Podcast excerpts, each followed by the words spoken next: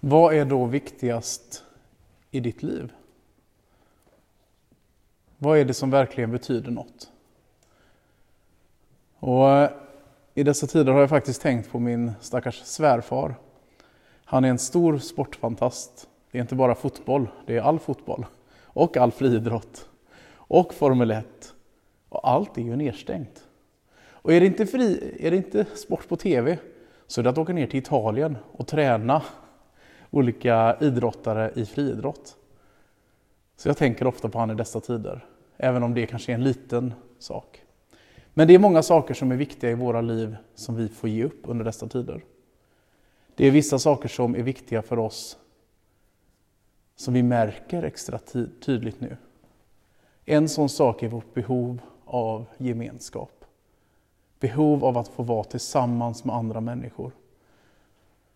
Och då blir det också tydligt de relationer man har. När människor med rätta distanserar sig, sluter ringen, så är det också lätt att många blir utanför. Att många känner sig ensamma. Och då märker man också, när de här nära relationerna är viktiga, så märker man också hur viktigt det är med goda relationer. För om man ska vara hemma mest med sin familj och sina barn, då märker man både hur goa man är, men också hur jobbiga man kan vara, eller hur? Och det är inte alltid lätt att sitta instängd som jag tänker på många av våra äldre gör. Men även många av oss andra som väljer att hålla nere till ett minimum när det kommer till sociala kontakter. Men vi märker också de relationerna som inte fungerar. Kanske en dålig relation till ett barn. Två parter som knappt pratar även om de bor under samma tak. Bästa vännerna som har blivit osams. Mammor och pappor som har barn tillsammans men där stoltheten och sin egen vilja går utöver barnen. Vi märker av det så tydligt i dessa tider. Och kanske det stora problemet som vi människor har, det är faktiskt de där relationerna som går sönder. Det kanske är ensamheten som det leder till. Och eh, temat idag är försonaren. Och texterna vi läser de handlar om försoning och försonaren. Men vad är då försoning? Det är ett sånt här uh, ord som man inte använder så ofta. Förutom vi i kyrkan, vi använder det jätteofta. Men, så jag googlade. Vart får man all kunskap från? Eller vad säger ni ungdomar? Man googlar. Eh, och då stod det så här på Wikipedia att försoning är när personer eller organisationer eller länder som har tvistat blir eniga igen. Och det är inte bara att de slutar bråka, utan försoning är ett tecken för en genuin återvunnen samhörighet. Och detta kan handla om människor, om organisationer, om länder.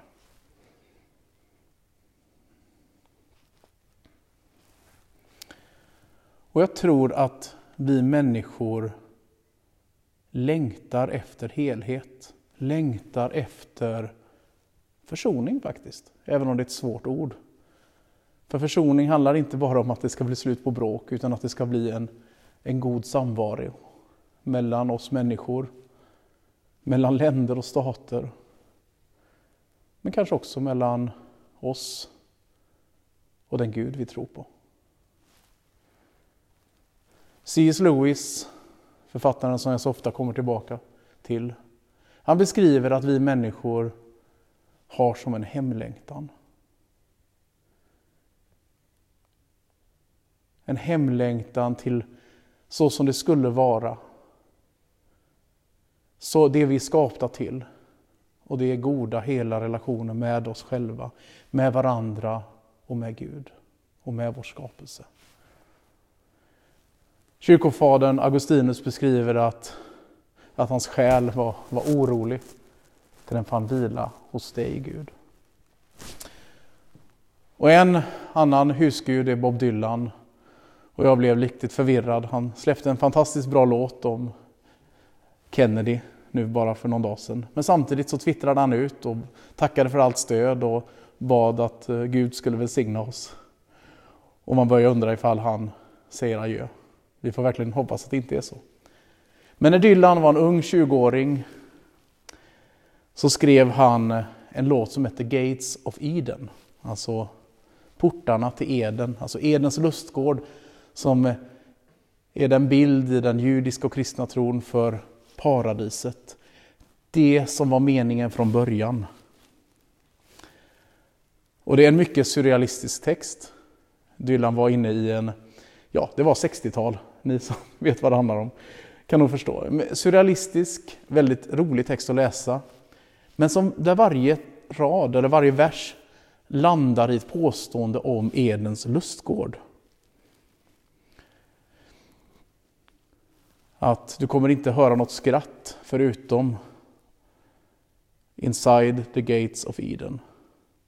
There are no kings inside the gates of Eden. Det finns inga kungar innanför Edens portar. There are no sins inside the gates of Eden. Det finns ingen synd innanför Edens portar.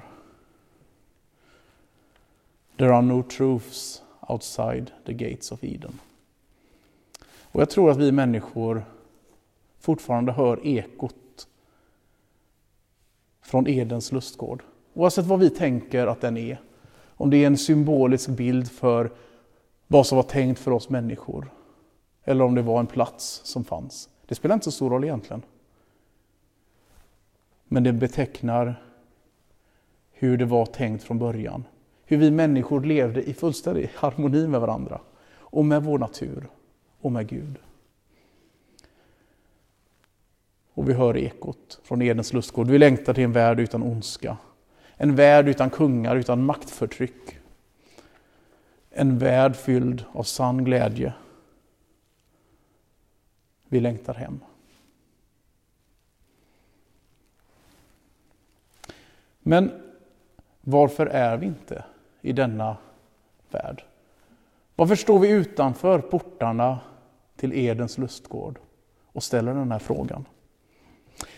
Och svaret hittar vi faktiskt i första Moseboken, den första boken i Bibeln.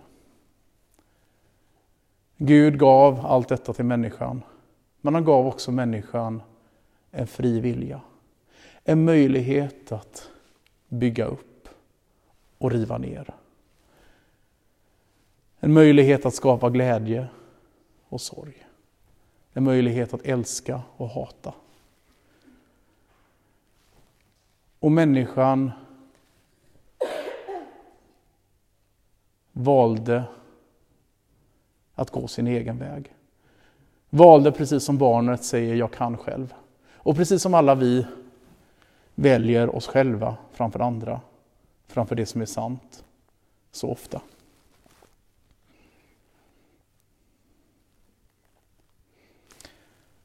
Så portarna stängdes av människans eget val.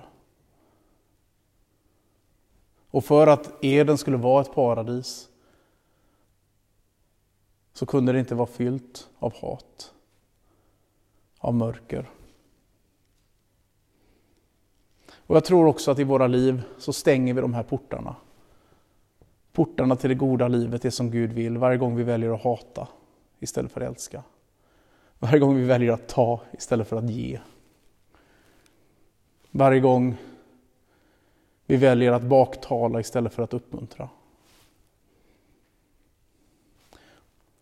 Och Jesus sa i dagens evangelietext att människorna älskade mörkret mer än ljuset.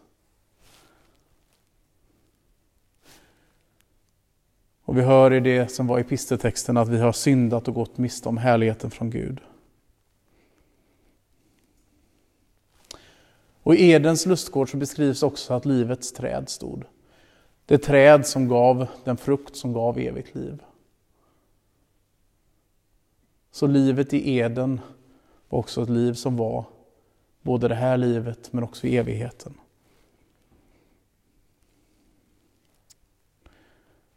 Och vi människor väljer så ofta att gå fel väg. Det kan vi se på vår värld. Och som Dylan sa, there are no sins inside the gates of Eden. Hur ska vi kunna vara där då?